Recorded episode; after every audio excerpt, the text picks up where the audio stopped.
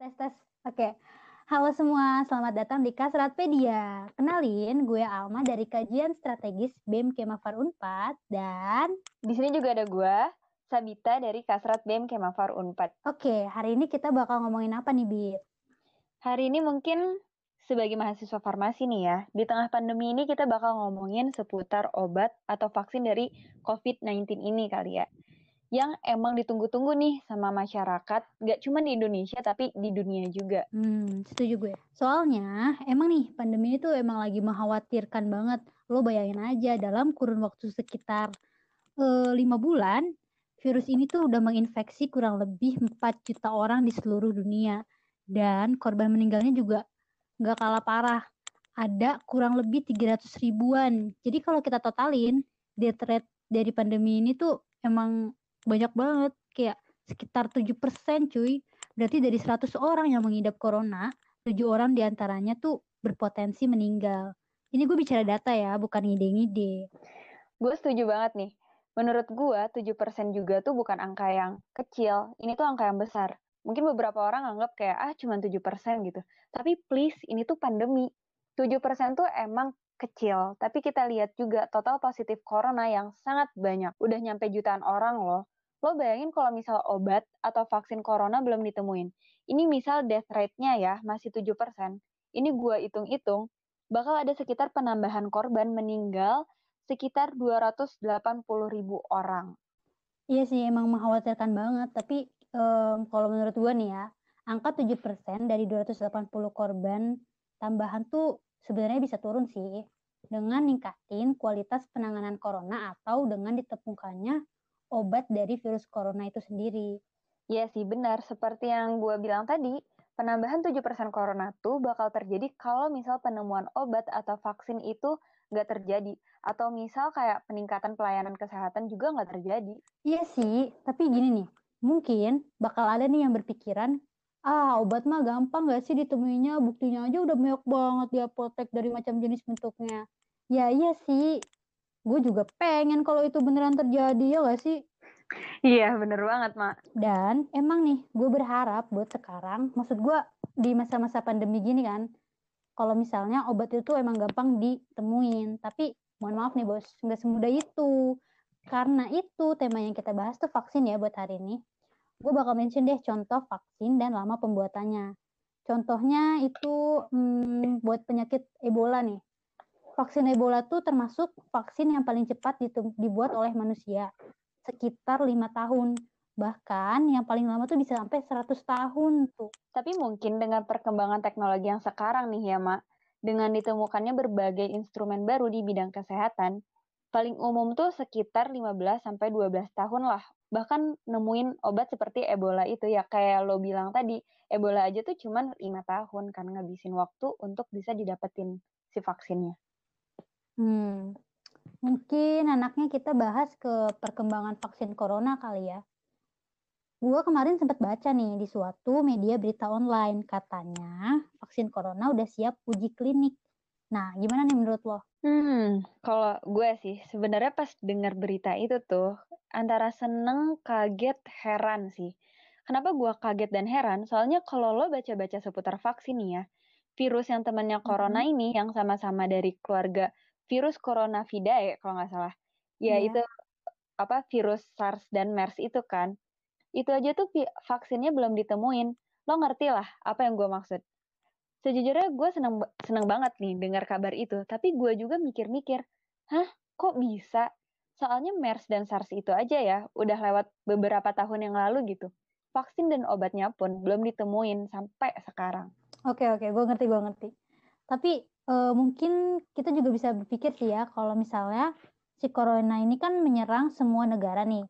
Bisa dibilang Hmm. kayak seluruh dunia lah, makanya udah disebut pandemi kan.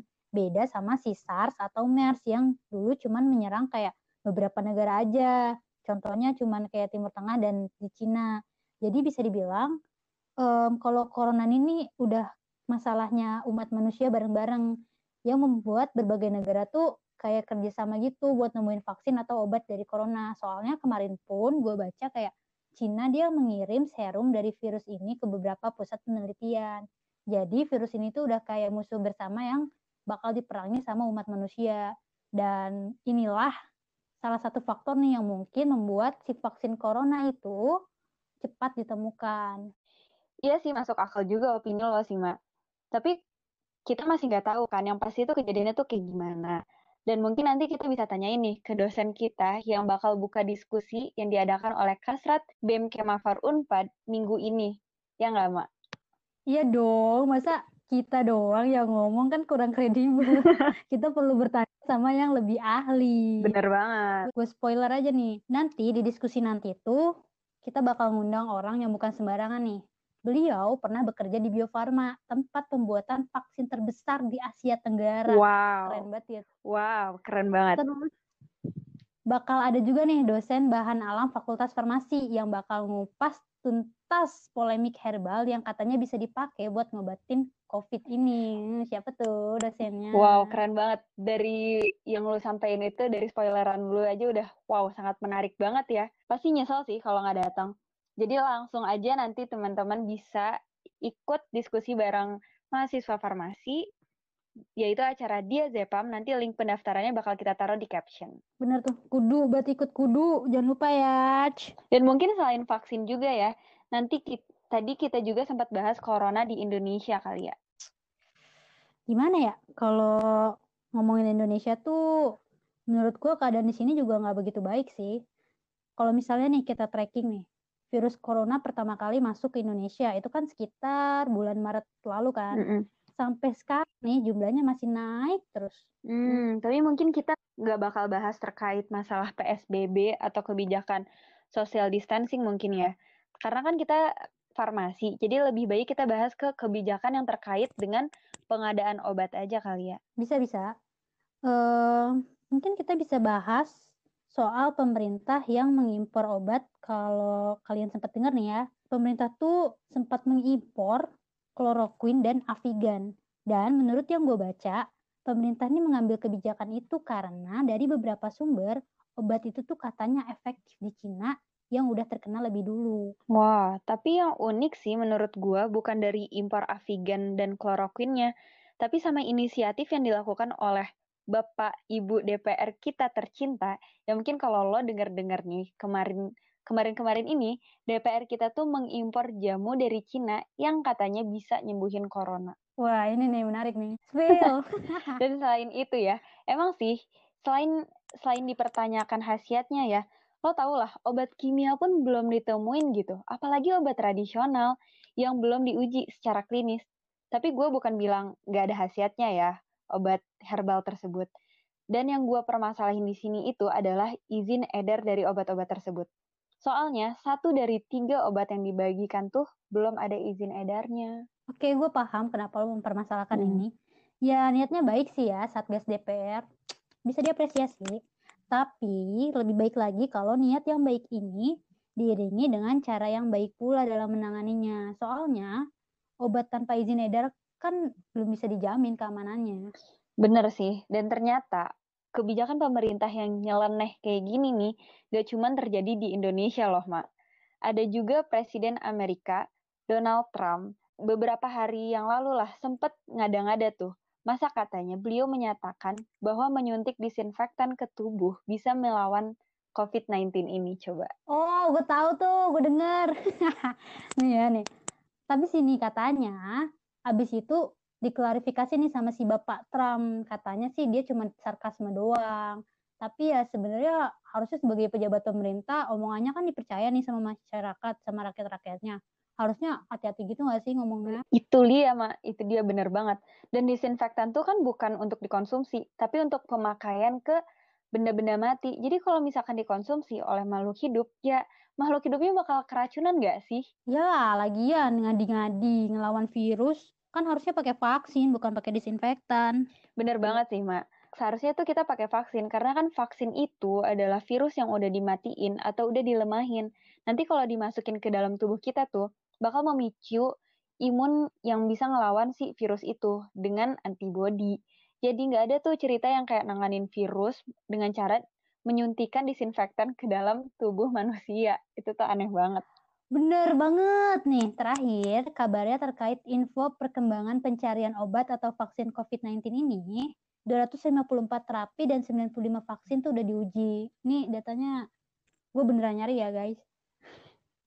Emang sih di tengah pandemi ini tuh semua perusahaan farmasi dan lembaga-lembaga penelitian dunia lainnya lagi pada berlomba-lomba nih untuk membuat vaksin. Terus kalau kata WHO juga kemungkinan tahun 2021 nanti baru udah ada vaksinnya. Iya, iya sih vaksin kan emang agak ribet ya pembuatannya. Namanya juga obat lah.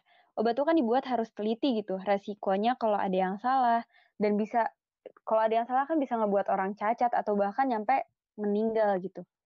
Makanya sebelum diuji ke manusia, diuji dulu ke hewan kan. Dan kalau udah diuji ke hewan, baru ntar ke manusia. Dan itu pun ke manusia pun nggak langsung banyak, pasti dikit dulu kan. Terus abis gitu, hmm kalau hasilnya bagus, mulai deh uji coba ke relawan sehat dengan jumlah yang lebih banyak lagi. Dan juga jangka waktu yang lebih lama. Jadi kalau udah si obatnya oke nih, baru deh masuk ke tahap uji ke manusia yang dicobanya ke 300 sampai 3000 orang selama 1 sampai 4 tahun. Gitu sih yang gue dapat infonya dari perkuliahan. Buset, lama banget. Udah mulai kebayangkan kenapa butuh waktu yang lama buat nemuin vaksin. Iya dong. Jadi kalau misal lo masih mau dalemin lagi nih tentang penemuan vaksin, terkhususnya buat COVID-19 ini, makanya guys, langsung aja nanti join ke acara kita. Save the date ya guys, jangan sampai kelewatan. Pokoknya nanti kalian tinggal cek aja di caption kita. Yoi, jangan lupa juga buat ajakin temen-temen geng tongkrongan kalian. Terus jangan lupa juga buat di-share infonya biar acaranya makin rame. Bener banget, kalian harus banget ikut supaya kalian bisa buktiin bahwa kalian juga peduli nih terhadap pandemi ini. Oke, ya langsung aja ya kita mau pamit-pamit dulu nih. Kan kita mau nyiapin buat acara. Iya, bener ya. banget. Bener banget. Makasih ya guys sudah setia mau dengerin ocehan kita. Makasih semuanya. Sampai jumpa. Kita tunggu kehadiran kalian semua di Dia Zepam. Bye. Bye.